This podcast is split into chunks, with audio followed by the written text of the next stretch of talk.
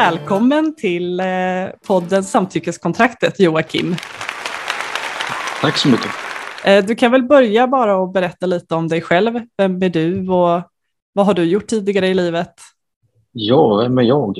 Eh, jag heter Joakim Persson, jag är 48 år gammal. Ehm, jag har en vuxen dotter som har ett litet barn, så jag har blivit morfar till och med. Ehm, jag har jobbat större delen av mitt liv inom utbildningsbranschen och som föreläsare. Ehm, så att jag har, ja, i olika former så har jag jobbat med IT. Det har varit mitt område. Mm. Eh, tycker väldigt mycket om musik, eh, framförallt rockmusik. Det är det jag har vuxit upp med, som sitter kvar än idag. eh, idag är jag gift med eh, Rebecka och eh, vi bor här, hon och jag och hennes två barn. Och så väntar vi en liten. Så det är häftigt. Grattis! Tack så mycket! Och jag hittar ju dig av en slump på Instagram mm. eh, där du har omkring, vad är det, 15 000 följare. Eh, ja, det är någonting sånt. Ja. Eh, hur kommer det sig att du startade det Instagram-kontot och, och vad, är det, vad är det du vill nå ut till folk med det? Eh, att jag startade Instagramkontot, det, det är väldigt länge sedan. Eh, det var helt egentligen utan någon som helst tanke med det. Det var mer bara ett socialt konto på ett, ett av alla nätverk. Eh, sen blev det, eh, när var det? Det var 2017 tror jag. Eh, så kom jag i kontakt med en skäggklubb som heter Bearded Villains. Eh, och på den vägen så kan man väl säga att det där växte väldigt, väldigt fort.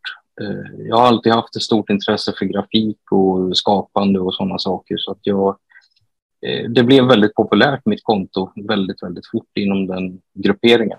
Eh, så att väldigt många av mina följare har någon form av koppling till den skäggklubben. Eh, det vet jag. Hur många är svårt att säga, men jag vet att många har det. Eh, där kan man väl säga att en, en viktig del i den typen av, av grupperingar är att man når ut i olika kanaler med olika former av budskap. Eh, och där blev väl Instagram ett verktyg för mig eftersom jag fick en ganska stor skala följare på ganska kort tid. Mm. Vad skulle du säga är dina viktigaste budskap som, som du vill nå ut med? det började med den här klubben som sagt och där var budskapet att vänlighet och eh, acceptans gentemot alla människor oavsett ursprung, religion, vad det nu kan vara för någonting som man kan anse skiljer människor åt på något vis, jag vet inte. Men all, all form av acceptans och vänlighet var liksom den centrala delen. Eh, och det har jag väl känt att eh, det är någonting som är väldigt, väldigt viktigt för mig och har varit hela mitt liv egentligen. Att man eh, försöker att göra sitt allra bästa för att bemöta människor på ett positivt sätt. Sen är det så att jag har suttit och haft diskussioner med min fru eh, angående eh, en bok och en eh, liten tv-serie som skapades av Bianca Kronlöf. Jag har tittat på den där serien och har lyssnat på hennes bok. Eh, och jag har pratat mycket med min fru som hävdade att alla män visst är aktuella att diskutera i de här frågorna. Och från början så kan jag väl erkänna att jag var inte särskilt pigg på att lyssna på det utan jag tyckte att det var lite konstigt resonerat. Eh, ända till som sa till mig att eh, menar du på fullaste allvar att du inte kan göra någonting? Och då insåg jag att ja, det gäller nog mig också. Och alla dessa normer och sådant som gör att det idag inte fungerar så bra eh, är någonting som jag har varit en del av hela mitt liv också. Hur tror Så... du att du har bidragit eh, till de här strukturerna om du tittar tillbaka? Oj, eh, på mängder av olika sätt som man inte tänker på. Allt från att man spelade fotboll när man var liten och talade om för dem som eh, tyckte att de hade en jobbig dag och inte sprang så fort, att de sprang som tjejer och det var si och det var så. Och det var väldigt mycket sådana uttryck som hade en negativ klang, eh, men också åsyftade det motsatta könet.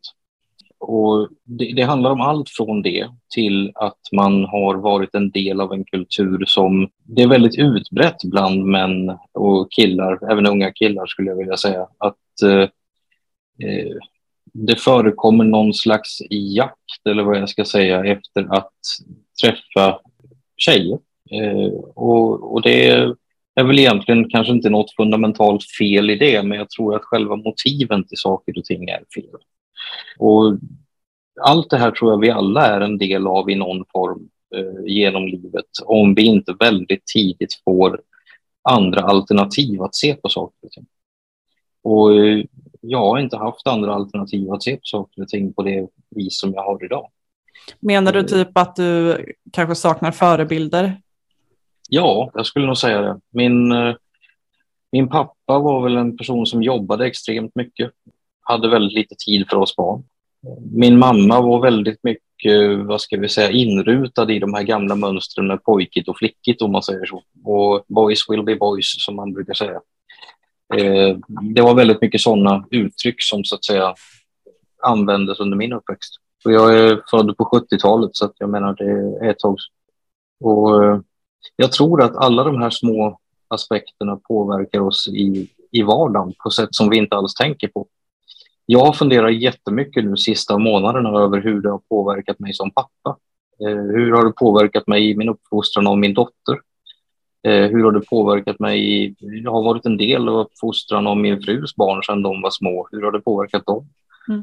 Eh, nu tycker jag väl i och för sig att jag ser väldigt, väldigt fina tendenser hos dem som tyder på att vi har nog omedvetet haft en form av, hur ska jag säga, inte feministisk, men en jämställd syn på hur vi vill att saker och ting ska fungera. Det märker vi av idag på barnen som börjar närma sig vuxen ålder nu. Så att, eh, det är väldigt härligt att se. Mm. Um, och du nämnde Bianca Kronlöf. Alltså, var det någonting du själv var, var med i? Eh, eller var det bara någonting som du tittade på? Det var någonting jag tittade på. Det hade flera förklaringar. Det, det ena var att eh, den här skäggklubben jag var med i då, eh, de var med i ett av avsnitten, eh, vilket gjorde mig lite nyfiken. För jag hade på den, vid den tidpunkten så hade jag hur ska jag säga, blivit en aning kritisk emot den här klubben för att jag upplevde att man har, man har en väldigt tydlig uppsättning med eh, grundläggande värderingar eh, utåt sett. Men man är inte lika noga med att följa dem inåt. Vilket gör att det skapas en mentalitet internt som inte visas upp utåt. Eh, och den mentaliteten tycker jag påminner alldeles för mycket om de toxiska mansnormer som finns i samhället som jag har försökt undvika. Men hur som helst så tittade jag på det, och dels av det skälet men också för att min fru hade tittat på det innan mig och berättat om det. Så jag var nyfiken på vad det var för någonting. Eh, jag visste inte särskilt mycket om vem hon var innan, utan det var en relativt ny person för mig att titta på. Så att jag, jag var eh, ganska, jag får säga öppen för vad det var jag skulle lyssna eller titta på. Eh, men jag var också nyfiken och oförberedd skulle jag vilja säga. Och, och det blev lite av en chock, eh, inte minst att lyssna på hennes bok som var väldigt, väldigt bra. Eh, så. Det känns som ett återkommande tema det här att, um, att det är ens kvinnliga partner som på något sätt måste undervisa sin manliga partner i jämställdhetsfrågor. Mm. Är det någonting som du håller med om? Att män inte visar något jättestort intresse generellt för, för jämställdhet. Eh, det är ett väldigt brett begrepp.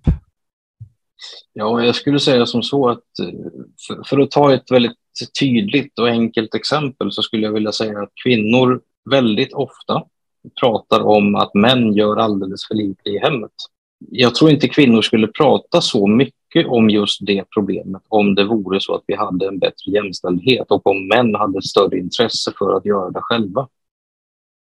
Eh, och, och, där inkluderar jag mig själv. Jag har varit, eh, hur ska jag säga, lika dålig som alla andra på sådana saker genom livet. Eh, och det är väl bara det att man vaknar upp och inser att eh, det här är någonting jag kan ändra på. Eh, förmodligen så skulle jag själv må bättre om jag ändrade på det. Och jag vet dessutom att min fru mår bättre av att vi delar på saker och ting. Nu har inte vi haft några jättestora sådana bekymmer, men däremot så skulle jag vilja säga att jag är trots allt en del av det som jag brukar säga i mina inlägg. Att jag är inte något undantag på något sätt. Jag är inte på något sätt bättre än någon annan. Det är inte det jag försöker få fram i mina inlägg, utan det jag försöker få fram är att jag har stannat upp och tänkt till. Och det har jag gjort mycket tack vare henne. Så att jag håller med dig. Det är nog väldigt mycket kvinnor som lyfter upp det. Mm. Kan du känna att du ändras om du umgås i väldigt grabbiga gäng? Nej, jag skulle snarare säga att jag, ja, jag förändras, men inte på det sätt så att jag hakar på i den jargongen, utan det jag försöker göra då är väl snarare att komma undan. Eh, jag skulle nog säga att jag blir tyst och jag drar mig undan eh, och försöker hålla mig utanför eh, den biten, för att jag tycker att den är väldigt fel. Eh, så det, men ja, jag förändras socialt, det gör jag. Mm. Men om vi tar ett exempel bara, om du och några killkompisar är ute på en pub eller en bar någonstans och du ser en av dem kladda väldigt mycket på en tjej. Är du fortfarande passiv då för att på något sätt skydda dig själv eller, eller gör du någonting eller du ser kanske inte ens att det händer? Idag skulle jag inte vara tyst. Eh, jag vet faktiskt inte hur jag skulle reagerat för ett par år sedan. Jag kan inte svara på det jag vet att jag alltid har varit en person som säger ifrån när jag tycker att någonting är fel, så jag tror att jag hade reagerat även tidigare. Eh, men idag är jag helt hundra procent säker på att jag skulle reagera och säga ifrån och tala om att det inte är okej. Okay. Mm. För det är någonting jag får uppleva. Nu är jag inte ute så mycket längre, men eh, när jag var det så upplevde jag väldigt ofta att killar i gäng eh, triggar igång varandra och, mm. och, och det gjorde situationen bara ännu värre än om mm. de hade umgåtts med tjejkompisar till exempel. Mm. Ja, jag tror att du har helt rätt. Eh, generellt så finns den bilden även hos mig. Eh, och det är väl en av sakerna som jag har väldigt, väldigt svårt för idag när jag har börjat fundera över det på ett djupare plan. Om säger så. Jag känner nog nästan en form av förakt emot det för att jag tycker att det är, det är fel på så många olika plan. Eh, det, det, jag, jag, vet inte riktigt hur jag ska sätta ord på det, men det, det känns, som jag sa till dig tidigare, där, att jag har tidigare i livet varit en del av en väldig massa olika toxiska mansnormer som jag inte har tänkt på. Eh, och nu när man är lite äldre då, så, så känns det på något sätt som att när man blickar tillbaka på det så finns det saker där som man känner att hur tänkte jag då? Eh, och ser jag det idag så reagerar jag och säger ifrån. Sen vet jag att det, det skapar en situation som innebär att jag får... Det är väldigt få som kallar sig vänner till mig. Det, det kan jag vara tydlig med. Men å andra sidan så har jag kommit till insikten att jag hellre har några få vänner som jag verkligen eh, uppskattar och tycker om än att jag har många vänner som jag inte vet vad jag har.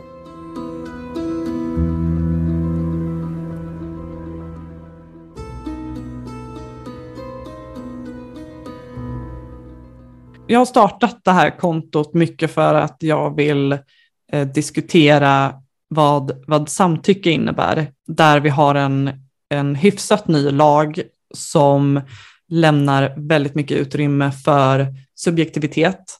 Och jag tror att många uppfattar det problematiskt med den här lagen eftersom eh, det inte finns en tydlig definition för vad samtycke innebär. Hur eh, tror du att ett samtycke uttrycker sig? Ehm, måste det vara ett tydligt ja? Eller, eller är det kroppsspråk? Eller vad, vad är din uppfattning om det här? Naturligtvis är det väl, hur ska jag säga, det, det, i sin allra enklaste form så är väl ett ja det absolut tydligaste. Det behöver inte vara omöjligt att ställa en fråga i ett sådant sammanhang, eh, om man nu är osäker, känner jag. Samtidigt så är det väl så här att jag, jag tycker väl att i alla sociala situationer som människor ställs inför, vare sig det är på tu man hand på det viset eller om det är att man möter människor i arbetet eller vad det handlar om för någonting, så, så finns det hela tiden signaler som vi läser och tolkar för hur människor omkring oss uppfattar oss. Eh, och jag förstår inte riktigt varför vi inte skulle göra det i sådana sammanhang.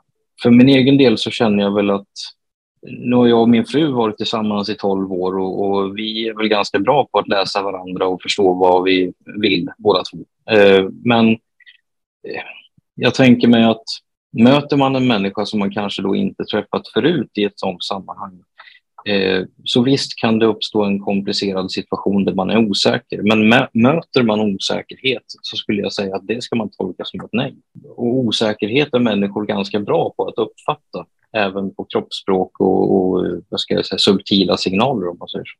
Eh, jag tror bara att det är många män som väljer att inte se de signalerna eh, och då blir det problematiskt. Mm.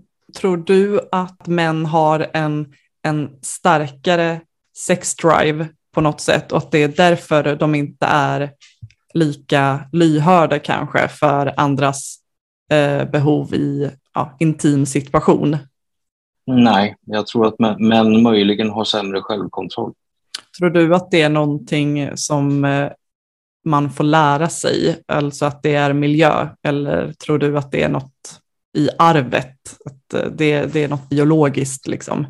Det är en jättesvår fråga, eh, tycker jag, för att i allt, i, i alla, vad ska vi säga, eh, det räcker att vi slår på National Geographic på tvn så kan vi konstatera att där får vi lära oss en väldig massa om, om instinkter och allt vad det är för någonting som eh, hos alla möjliga djurarter, även oss själva. Men eh, jag skulle nog vilja påstå att eh, vi bör ha kommit så långt i det vi kallar för civilisation att vi faktiskt kan behärska oss och bete oss. Eh, kan vi inte det så har vi ett socialt problem, eh, skulle jag vilja påstå. Så jag upplever det. Mm. Eh, jag kan tillägga där att jag själv har en väldigt låg eh, impulskontroll på grund av min ADHD. Så där är det ju superintressant för att jag har ju, vad jag vet själv, aldrig våldtagit någon. Jag personligen tror ju att det har med många faktorer att göra, mm.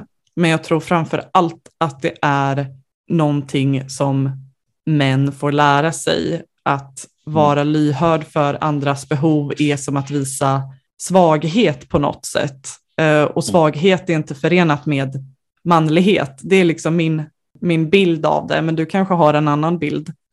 Nej, alltså jag vet inte om det uttryckligen är så att jag upplevt att man får lära sig att det ska vara på det viset. Men däremot skulle jag vilja säga att det sociala spelet mellan eh, pojkar och män eh, är på ett sådant sätt som du beskriver. Eh, jag tror dock inte att det är en, en medveten, eh, vad ska vi säga, eh, ett medvetet informationsflöde för att vi ska uppleva det på det sättet och för att vi ska bli på det sättet. Utan jag tror att det mera handlar om att vi ska vara tuffa, vi ska ta det vi vill ha eller vad vi ska säga. Man pratar ofta bland män om att kvinnor vill ha en man som vet vad han vill. Eh, man pratar ofta om att kvinnor vill ha en stark, en fysiskt stark man, en eh, psykiskt stark man, en som är stabil och inte viker på något vis för någonting, utan eh, det, det, det är väldigt mycket sånt snack bland män. Och jag har väl upplevt många gånger att jag har stått inför ett par situationer där det har funnits fysisk fara eh, för mig själv om jag säger så. Och min frus reaktion har varit att eh, hon vill att jag ska bort ifrån den situationen, inte att jag ska gå in i situationen. Eh, så jag tror i mångt och mycket att det här är en föreställning bland män som kanske inte har så mycket sanning som vad ska jag säga, som bakgrund utan snarare en föreställning om sanningen bland kvinnor som man tror att man ska leva upp till. Mm. Börjar man nysta i det så tror jag, alltså jag tror precis som du är inne på, det finns massor med faktorer som påverkar det här. Jag tror att det biologiska också är en av dem för att vi har olika förutsättningar. Eh, men jag tror definitivt att det är en, en sak som vi kan bearbeta på ett socialt plan. Därför att allting vi gör i möten mellan människor eh, består just i sociala signaler som vi inte alltid har ord på utan som bara finns där. Uh, Mina spontana tankar.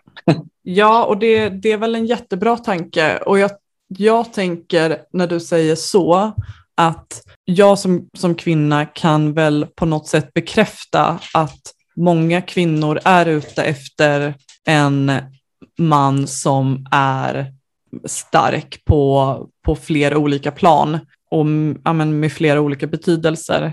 Men att man ändå vill bli lyssnad på och det, det tror jag är en, en bristvara.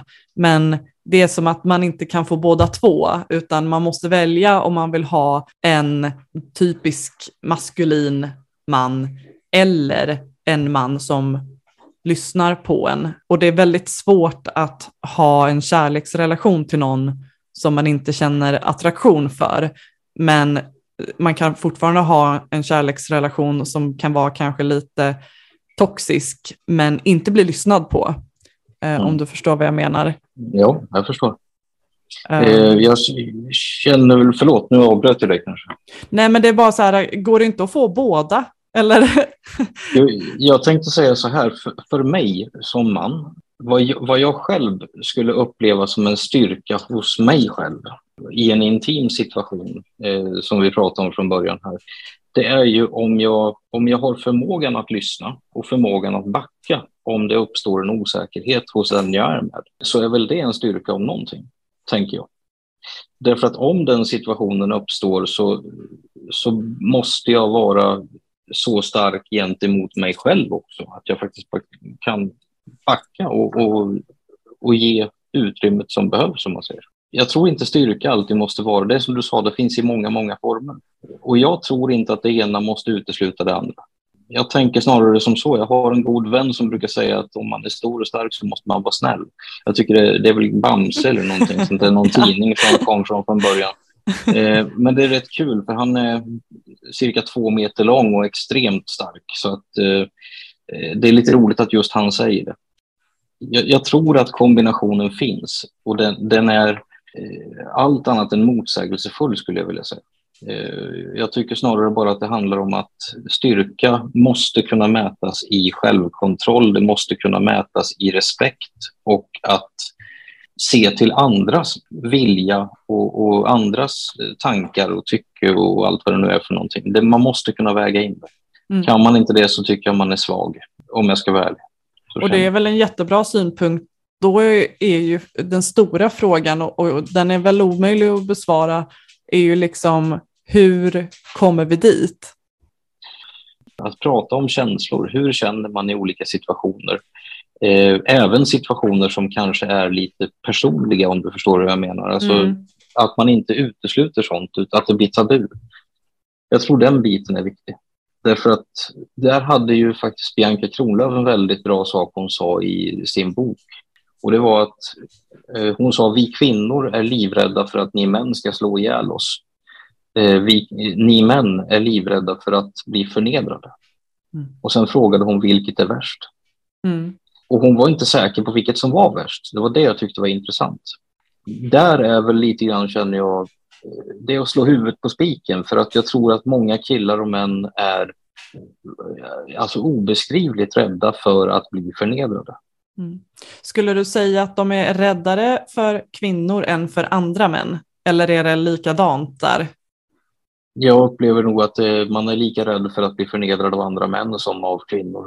Eh, däremot så tror jag att det slår djupare i, i om, om, vi säger så här att om du blir förnedrad av en kvinna som du har känslor för så tror jag att det tar djupare om du förstår hur jag menar. Och mm. det i sin tur kan nog vara ett problem för många. Så skulle jag tänka.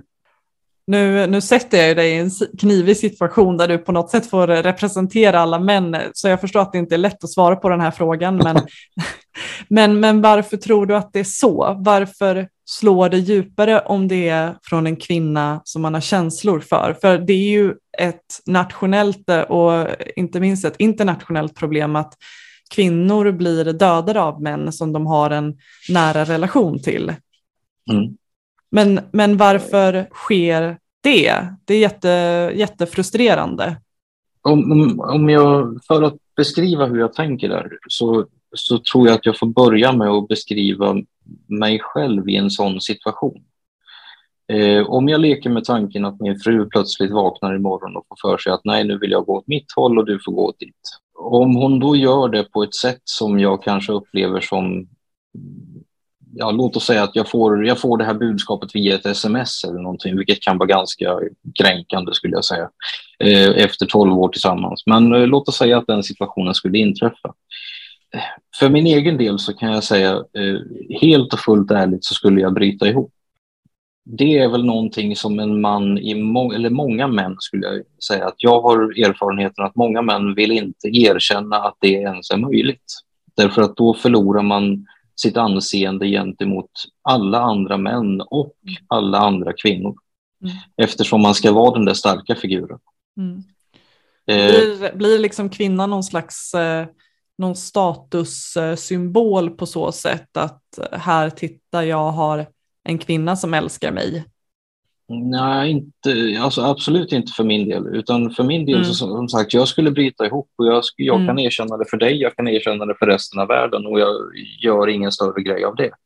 Eh, annat än att jag kommer att med största sannolikhet sitta och gråta i dagar och nätter. Mm. Eh, det är min reaktion på det. Eh, och jag kan väl jag kan väl däremot säga att jag tror att många män skulle inte våga säga att det är så de känner. Och de skulle än mindre våga tillåta det att hända, om du förstår vad jag menar. Och där tror jag att eh, börjar man på gräva i det, vad gör då en man istället? Där skulle jag kunna tänka mig att män har eh, hur ska jag säga, en tendens dels till att se eh, det här med att leva tillsammans med någon så tycker jag väldigt många män verkar ha en syn på det som handlar om att man nästan äger personen. Och det är någonting jag är allergisk emot. Jag, jag klarar inte av att tänka på i de banorna för det blir bara fel känner jag. Jag tror på att man i ett förhållande så ska två parter vara där av egen vilja. Om den ena tappar den viljan eller på något sätt eh, känner att det här vill jag inte längre, eh, då finns det liksom inget sätt för den andra parten att hålla den kvar. Eh, utan det är, då är det bara att acceptera det. Jag får också en känsla av att mäns acceptans för sådana saker är väldigt låg överlag. Och jag tror att det är av skälet att de känner att de de står inför det här dilemmat att gråta i dagar i sträck. Eh, och det är inte acceptabelt, så de försöker hitta en annan väg. Och tokigt nog så tror jag att den vägen ibland blir våldsam. Och det, det som gör mig extremt frustrerad i allt det här är ju att vi kvinnor talar om att det också är orättvist för er män. Men männen i debatten existerar inte. Det är, en, det är typ en man på kanske hundra kvinnor som har kontaktat mig i samband med att jag gick ut med min våldtäkt och uttryckte sin eh, sorg och frustration över det. Men eh, kvinnorna är så extremt överrepresenterade och det tror jag är ett problem. Men, men jag förstår heller inte varför inte alla pratar om det här, för att alla tjänar ju på att prata om det. Ja, det tänker jag också. Att eh, det är väl min övertygelse i det jag själv går ut med på Instagram och så vidare, det, det är ju helt enkelt det att jag tror att alla människor, oavsett om man är man eller kvinna, eh, skulle må bättre om vi fick ordning på alla de här sakerna. Eh, om vi levde i ett samhälle där män och kvinnor hade samma rättigheter och samma skyldigheter och, och samma möjligheter, eh, om jag säger så, eh, och, och mötte samma respekt. Det skulle vara ett samhälle som vi alla mådde väldigt mycket bättre i. Eh, men nu lever vi i ett samhälle som jag själv kommit till insikten om att jag tror att den, den största problematiken ligger just i att män har privilegier som kvinnor inte har. Eh, män har saker vi ser som självklara i livet som, som eh, hur ska jag säga, det är lättare som man att tjäna mycket pengar, det är lättare som man att få gehör för sina idéer och åsikter och så vidare. I olika sammanhang, till och med i vårt rättssystem, är det lättare som man att bli hörd. Eh, det finns i så många olika led så att jag tror att, och det här vaknar vi upp varje dag och tar för givet. Och där tror jag män återigen är rädda Därför att om vi släpper på den här kontrollen, vad händer då? Står vi då där gråtandes i flera dagar i sträck för att vi plötsligt står ensamma? Eh, bara för att kvinnor fick en utökad frihet, en utökad ska jag säga, skala med rättigheter. Eh, jag tror att det är den rädslan som män innerst inne känner. Eh, jag tror inte att många män egentligen har identifierat den känslan, utan jag tror den är helt omedveten hos de flesta.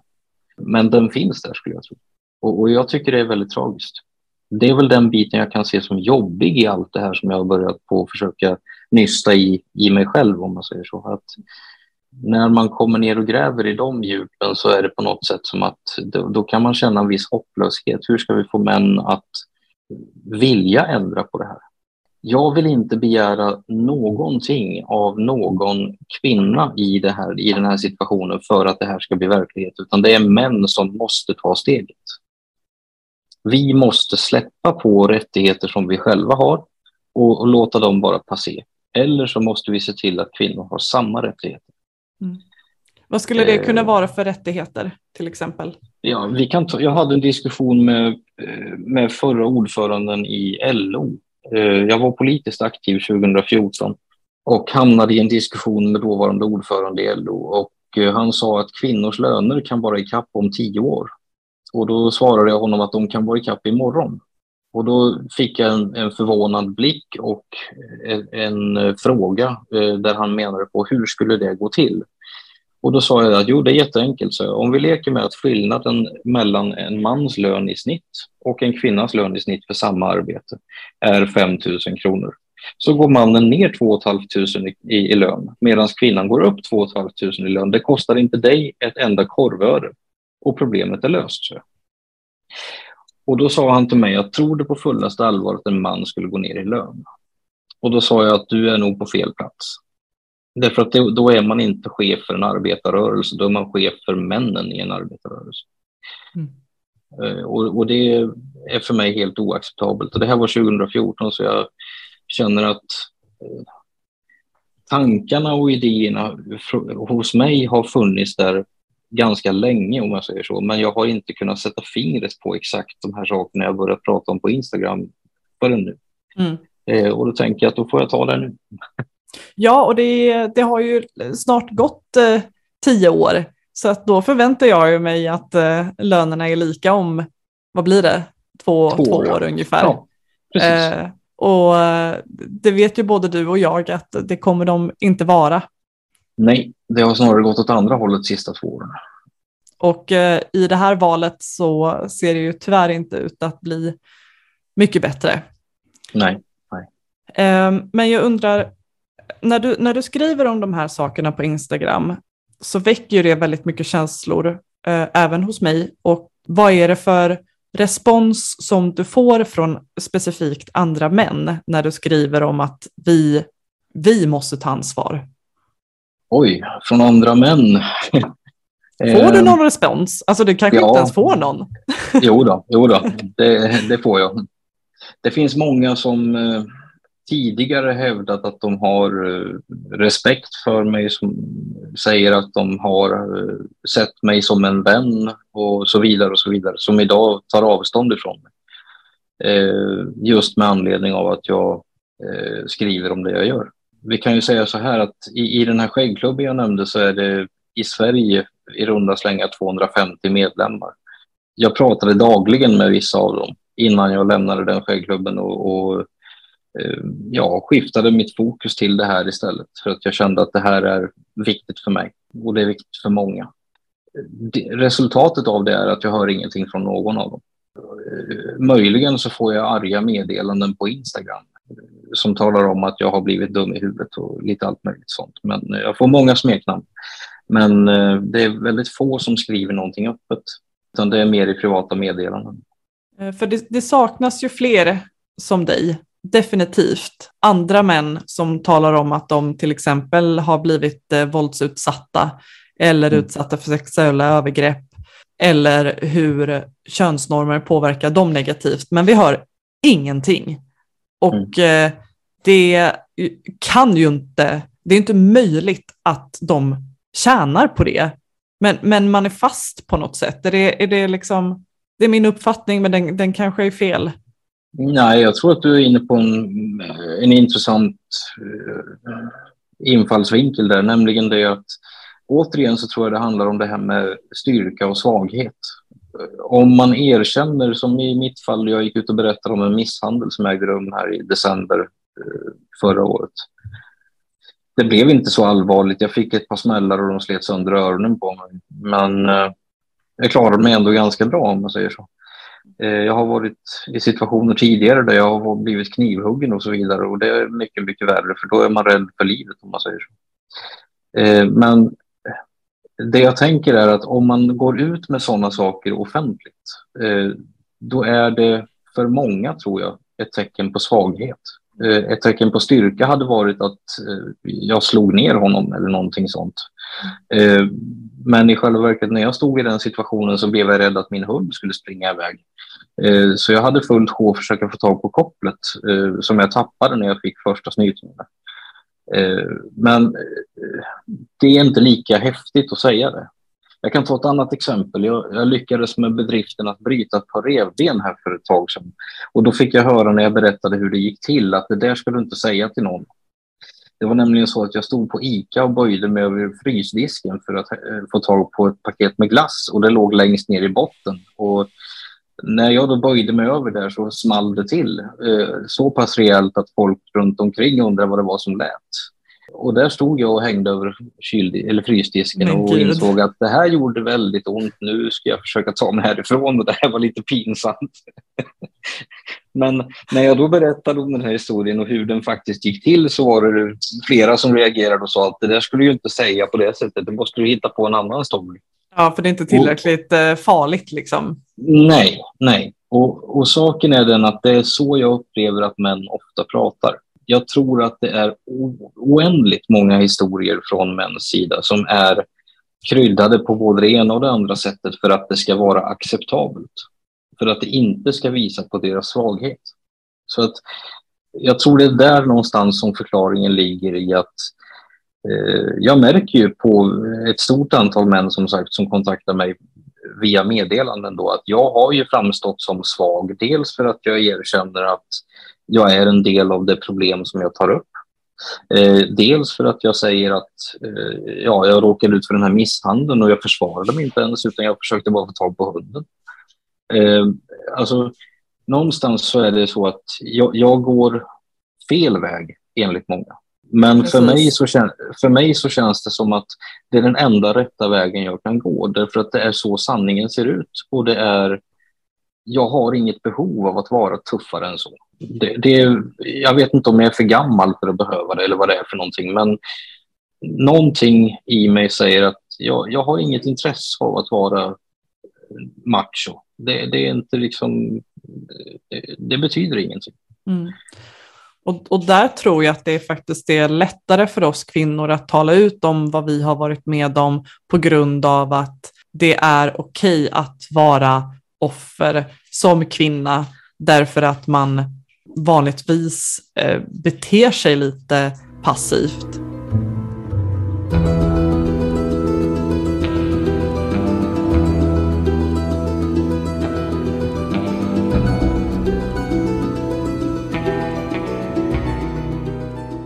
Jag var inte med om en misshandel, men jag var med om hot och vandalism när jag körde bil höggravid och räckte fuck you till en eh, herre i en Tesla, eh, för han körde rakt ut framför mig och jag eh, eh fick kasta mig på bromsen. Och sen så mm. körde han in på sin parkering eh, bara 50 meter senare. Så då räckte jag fuck you till honom och då såg han det i sin backspegel.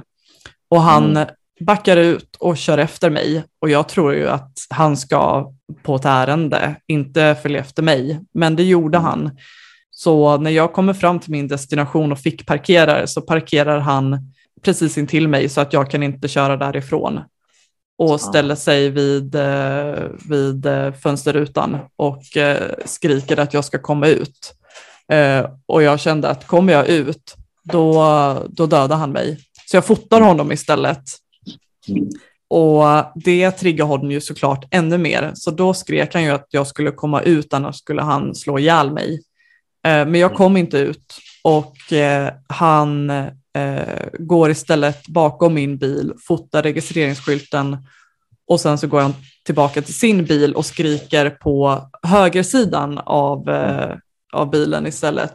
Ehm, och, och jag skriker tillbaka och säger bara att han är sjuk i huvudet och att nu ringer jag polisen. Mm. Och till slut så blir han så frustrerad så att han, eh, han börjar slå sönder bilen när jag sitter där inne och det var inte en kotta i närheten som, som såg det. Han eh, körde eh, därefter, väldigt kort därefter iväg och jag eh, eh polisanmälde händelsen eh, mm. typ direkt efter det, bara paniken hade fått lägga sig lite. Mm. Eh, och han, han blev faktiskt dömd för, det här var i Danmark, så det var ju eh, hot till livet och, och vandalism. Mm. Men, men jag kunde ju gå ut med den här historien och få ett gehör som bekräftade mig i att jag hade gjort rätt och att jag var modig. Mm. Um, men jag tror att om jag inte hade varit kvinna så hade responsen varit helt annorlunda. Mm. Misstänker jag. Uh, Kanske jag, inte man... den du möter publikt. Nej, precis. Men den du möter bakom lyckta dörrar hade kunnat vara en annan. Mm. Det är min erfarenhet. Mm. Att om man är med sin bästa killkompis så, så kan man vara sårbara med varandra på ett annat sätt menar du? Ja, dels det. Men sen tänker jag också så här att eh, det finns ju alltid de här, vad ska jag säga, eh, trollen på internet om man säger så, som eh, tar varje chans att tala om hur vek och klen och, och dålig eh, alla andra är om man säger så. Eh, men däremot om man tänker sig bland män generellt så skulle jag nog säga att det är ganska få som jag tror skulle uttrycka negativa saker i offentliga kommentarsfält och så vidare. Om jag hade råkat ut för det du råkade ut för och berättat det på samma sätt som du. Däremot skulle jag nog få meddelanden från vissa eh, som tycker att jag har betett mig omanligt, eh, ovärdigt, eh, klent och så vidare. Eh, det är så jag upplever att det blir nu när jag skriver om de saker jag gör. Eh, det är att det är privata meddelanden, det är sms, det är eh, alla vägar utom de som andra kan se. Där kommer det saker som är ganska nedlåtande, skulle jag säga. Mm. Men däremot så, så, finns det en annan del i det här som jag försöker att fokusera på. Och det är att det finns fler män. Det har jag insett nu sista tiden att jag får fler och fler följare nu som är män som håller med om samma sak som jag skriver. Eh, och det är första steget, tänker jag, till att de själva ska bli mer aktiva i att göra samma sak. Kanske inte allihopa, men en del av dem. Och jag tänker så här att om de så bara kommenterar på ett inlägg jag har gjort på ett sätt som visar att de håller med i det jag säger eller vi kanske diskuterar saken utifrån någon frågeställning som är relevant och så vidare. Bara det eh, är ju en en morot, en inspiration till att fortsätta på spåret om man säger så. Mm. För det betyder att fler känner att det här är ett vettigt spår att gå på. Ja, absolut. Eh, jag hoppas ju att det här är någonting som kan eh, ändras över tid. Så mm. att vi, vi får ett öppet samhällsklimat där man inte behöver vara rädd för eh, att, att öppna upp sig om grejer. Jag menar, jag har ju öppnat upp mig om min våldtäkt och där är det ju en enorm tystnadskultur där mm. kvinnor vågar berätta eh, om vad de har varit utsatta för, men det är nästan alltid väldigt anonymt och de som inte gör det anonymt, som kanske är offentliga personer, de eh, blir ju istället eh, dömda för förtal för att de har namngett förövaren. Och jag har ju aktivt valt att undanhålla så mycket detaljer som möjligt därför att jag är Eh, ärligt talat rädd för att få ett, få ett straff för att jag berättar om, mm. Om min upplevelse och vad jag har blivit utsatt för. Det kommer jag inte bli för att jag har inte lämnat ut så pass mycket information. Men rädslan sitter där och så ska det inte behöva vara. Vi, vi ska kunna berätta om vad vi har varit med om utan att röja någons identitet. Eh, men också utan att vara rädda liksom. Mm. Eh, sam, samtidigt är det ju så att när man går ut offentligt med saker och ting så det stannar ju egentligen inte vid vad du och jag skriver. Utan om du skriver om, om din upplevelse eh, av vad som har hänt eh, och någon som känner dig eh, vet vem den här individen måste vara. Är du med på vad jag tänker då? Mm. Eh, då är ju det en potentiell risk att någon fyller i vad du har skrivit med vem den här personen kan tänkas vara. Det här är ett jätteproblem tycker jag. Eh, mm. Allra helst när det kommer till för många kvinnor som du säger som vill berätta om alltså, fruktansvärda saker de har varit med om. Eh, jag känner så här att ska man inte få prata om det, det, det är helt befängt. Det, det, måste man få göra. Det vore ungefär som att säga att jag inte skulle få prata om den här händelsen när jag blev misshandlad. Alltså det, mm. Jag tycker på något sätt att det är en del i att läka, det är att få berätta att det här inträffade. Jag tycker att det känns helt sjukt. Jag kan inte förstå det. Eh, och, och, jag kan bara föreställa mig att, hur ska jag säga, eh, i min värld så är det så här att ett våldsbrott av den karaktären, okej, okay, eh, tyvärr så är det sånt som händer. Men ett våldsbrott som inkluderar att man sexuellt ger sig på någon, som många kvinnor råkar ut för, det, det är för mig helt obegripligt. Jag kan inte förstå det, jag kan inte eh, för allt i världen så kommer jag aldrig någonsin att acceptera ett enda argument för att det ska kunna ske. Mm. Eh, utan det är bara helt fruktansvärt fel i mina ögon. Mm. Att då låsa in en kvinnas syn på vad hon gått igenom, eh, det, det, känns som rena tortyren. Mm. Eh, det, det, tycker jag bara blir... Nej, jag, det är ju lite, det är lite dubbelbestraffning eh, är min upplevelse. Att mm. Eh, du är med om något eh, fruktansvärt som, som förstör ditt liv, men du får inte lov att läka som du säger och man Nej. får aldrig någon upprättelse för att det är så pass få som döms. Och jag som har varit utsatt för både den här incidenten med, med mannen som följde efter mig med bilen och sexuella övergrepp så kan jag ju eh, berätta att det är betydligt mycket värre att personligen vara betydligt mycket mm. värre att bli utsatt för ett sexuellt övergrepp. Mm.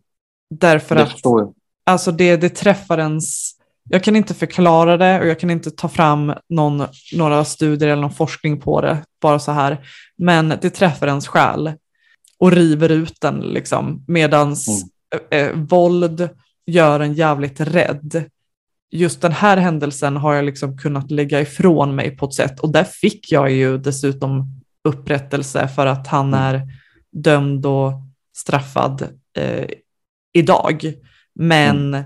eh, alla de männen som har utsatt mig för grejer genom egentligen sen jag kom in i puberteten, de, alltså, och det har varit konstant och där har jag aldrig fått någon upprättelse. Jag hade kunnat polisanmäla hur många som helst, men det hade egentligen inte spelat någon roll för att mm. bevisföringen är så pass svår. Mm. Ja, jag vill, jag vill, bara förtydliga att jag inte på något sätt vill jämföra en, en eh, misshandelssituation med en, en som innefattar sexuella övergrepp. Det, det, är inte min avsikt alls, utan jag, jag förstår på ett sätt eh, precis vad det är du säger. Eh, mm. Och jag känner att det, det, finns en logik i det du säger. Sen kan jag aldrig sätta mig in i hur du känner. Eh, men, men däremot kan jag föreställa mig, eh, precis som du beskriver där, att det, som du säger, det går raka vägen in i själen. Mm. Eh, det, det, det är nog kanske det som får mig också känna ett sånt vad ska jag säga, förakt för den typen av brott ja, att man helt, helt och hållet saknar förståelse för hur en man kan göra så. Eh, jag, jag förstår verkligen inte. Mm. Eh. Det, är ju, det är ju många som skyller liksom på att porren skapar uh, orealistiska förväntningar på något sätt. Köper du den? Jag tror säkerligen att det har en inverkan på så vis att, hur ska jag säga, många män verkar skaffa sig idéer om vad de själva sen vill göra Eh, Eh, den vägen. Eh, så upplever jag det. Jag hade en diskussion med en person som tidigare som sagt kallade sig för god vän men som nu klassar mig som någon form av, av mindre begåvad varelse. Eh, eh, han, han konfronterade mig tyckte han och sa det att ja men du gör väl som alla andra, du porrsurfar väl också? Och jag sa nej det gör jag faktiskt inte men eh, vad är det som får dig att tro det? sa jag. Och då blev han tyst och visste inte riktigt hur han skulle svara. Eh, jag sa att du får ju tala för dig själv, sa jag, men, men eh, du kan inte tala för mig. Så det, det funkar inte. Eh, och saken är ju den att jag tror när man hamnar i sådana diskussioner mellan män så inser jag en sak och det är att det är för det första mer eller mindre alltså en regel, mer en regel än ett undantag att man använder sig av den typen av media. Sen verkar det som, tycker jag, när man lyssnar på hur de pratar, om vi säger så här i herrbastun, om vi säger så, när, eh, då, då, är det liksom en jäkla massa snack om eh, den typen av sexuella handlingar som, man, som varje frisk människa vet att ja, det där har du inte kommit på hemma i sängkammaren, utan det där har du sett någonstans. Eh, så att det finns en koppling där, det tror jag alldeles säkert. Men däremot så tycker jag inte att det finns en rimlighet i att säga att pornografi leder till eh, övergrepp som sådana, utan det, det är eh, där måste det återigen handla om att varje man måste ta ansvar för sitt agerande. Eh, och, och det, det, är ungefär som att säga att spelar du krigsspel så springer du ut och skjuter någon. Det tror jag inte på heller. Eh, utan jag tror att det, det kan skapa idéer och fantasier hos människor. Eh, men jag tror inte att det ena leder till det andra eh, rakt av. Mm. Det är en jättebra jämförelse det här, för båda är ju på något sätt intryck från media som mm. varje individ ska processa. Men alltså innan det här med tv-spel och dataspel kom så var ju många eh, rädda för att det skulle orsaka eh, mm. fler våldsbrott och eh, det kanske det har gjort också, men inte till den graden att alla går runt med skjutvapen och, och eh, knivstickor varandra mm. hejvilt. Eh, mm. Men, men inom pornografin så upplever jag precis som du att det skapar idéer som man vill leva ut och mm. kanske ignorerar det här att det finns en till människa som också har behov. Men man, man, man har kanske inte reflekterat över det, att mm. det är ju jag, det är mina behov Mm. Mm. Precis som i, i den här porrfilmen så eh, kvinnans behov syns kanske heller inte sådär jättemycket. Och då är det kanske den förväntningen man får. Men vi är allihopa intellektuella varelser som vi kan lära oss ny information och vi kan lära oss att saker är fel även om vi tidigare har lärt oss att det här är rätt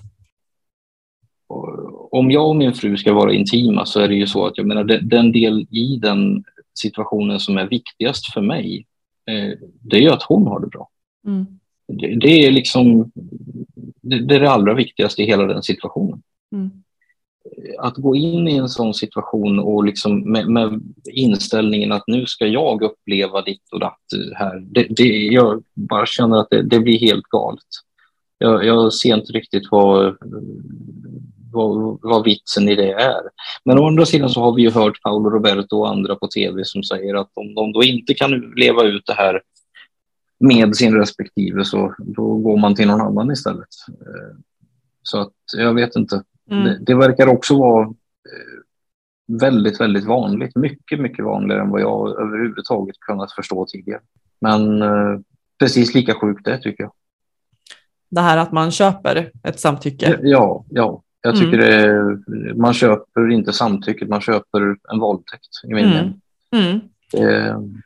Och det är ju också en, det är ju en annan eh, diskussion som vi inte behöver ta här och, och nu, men mm. just mm. det här att har en kvinna gett sitt samtycke om, om hon har fått betalt för att Absolut. ha sex med någon och i så fall skulle en person som har köpt sex inte bara dömas för, eh, för det utan även för för våldtäkt. Det händer ju liksom inte, men, eh, mm. men det är för att man betraktar att eftersom det är en affär så har man mm. gått med på någonting. Men, mm. men hon hade ju antagligen aldrig gjort det där om hon inte hade fått pengar. Mm. Nej, alltså jag, jag, eh, jag förstår vad du säger, det är kanske ett senare ämne då, men, men jag tänker att bara ett kort svar. Jag säger att eh, nej, man kan inte sälja samtycke. Man kan inte sälja eh, sexuella tjänster på det sättet, utan det mannen köper det är någon sorts upplevd rätt att få göra vad han vill med en kvinna. Eh, och det tycker jag är vansinnigt fel. Mm, mm. Uh. Um, en annan sak jag tänkte på, och det har inte så mycket att göra med uh, dig och din relation till, till din fru och vad ni gör, men just det här att många män tänker ju på att att få en kvinna att njuta, det är det sexigaste som finns. Men jag har upplevt många gånger att begravt i det där så handlar det om deras eget behov av bekräftelse. Att det inte alls handlar om vad hon vill, utan det handlar om vad de vill göra med henne. Okay. Och, och då blir de heller inte särskilt lyhörda. Istället för att fråga vad vad tycker du om och vad tycker du är skönt? Så blir det istället att okej, okay, nu eh, har jag en fantasi här om att jag ska ge henne oralsex, låt oss mm. säga.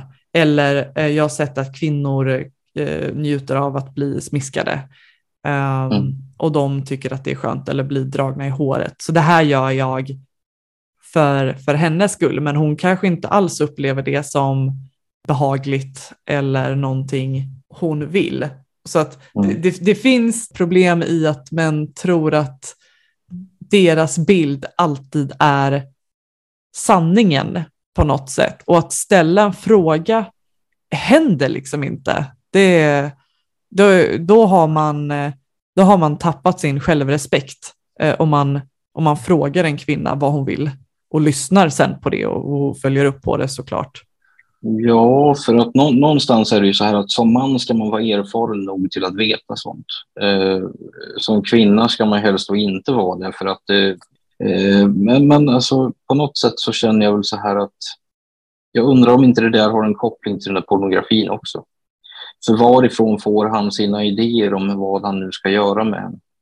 Det behöver inte vara pornografi, det kan vara film, eh, allt, all, alla möjliga situationer där man så att säga på något sätt matas med en eh, fiktiv situation som på något sätt beskriver sådana här handlingar. Det görs ju alltid i ett, inom vissa ramar, eller vad jag ska säga. Och de ramarna kan ju vara allt ifrån om det är en långfilm eller någonting sånt, så är det utifrån författarens, manusförfattarens eh, syn på hur det där ska gå till. Eh, till om det är som sagt pornografi eller annat så kan jag tänka mig att det blir motsvarande där. Att det sitter ju någon och skriver de här scenerna, eller vad jag nu ska kalla det för. Det jag känner när du ställer den frågan om, om eller när du tar upp det här med att inte ställa frågor.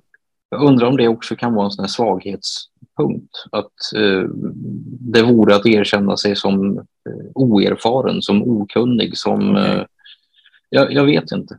Mm. Men eh, för min egen del så känner jag väl så här att om det nu är så att man vill ägna sig åt någonting som, som eh, kanske inte är det, vad ska vi säga, traditionella om man säger så. Du, du nämnde några saker om att dra i håret och så vidare och sånt. Alltså, det är väl saker som man rimligen bör veta hur den andra parten upplever det innan man ger sig in i att göra sådana saker. Det, det känns mest logiskt.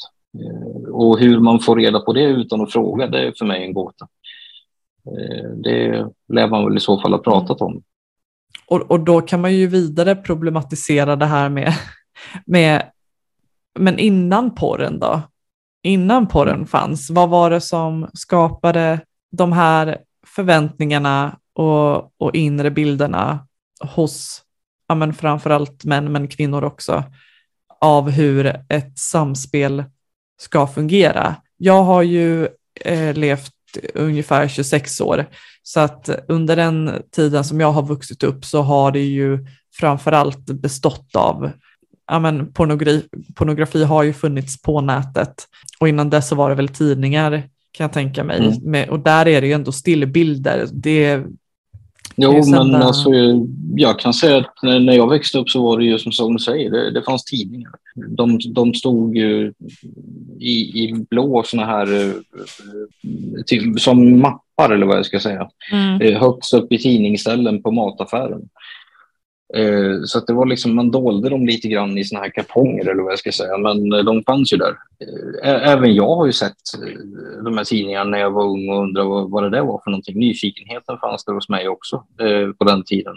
Och det var ganska grovt redan då. Men sen så är det väl också så att om jag backar bandet ytterligare en tid, om man säger så, till 80-talet. Jag läste en tidning som hette Okej. Okay, eh, därför att jag var väldigt intresserad av musik. Eh, och det var såna här posters med hårdrocksband och allt möjligt som följde med i mittuppslaget på de där och sånt. Men ganska snart så skiftade det här fokus och det var framför allt när det var en artist som dök upp som hette Samantha Fox.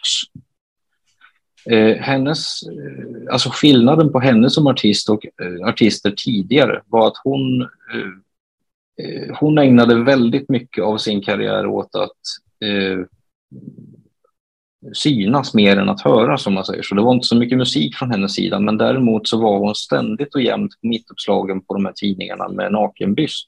Mm. Eh, och det här skulle ju då sitta i varenda pojkrum, eh, kunde man tro. Eh, mm. Men jag vet att jag reagerade redan då på att jag tyckte det var väldigt märkligt att min musiktidning plötsligt var någonting helt annat. Mm.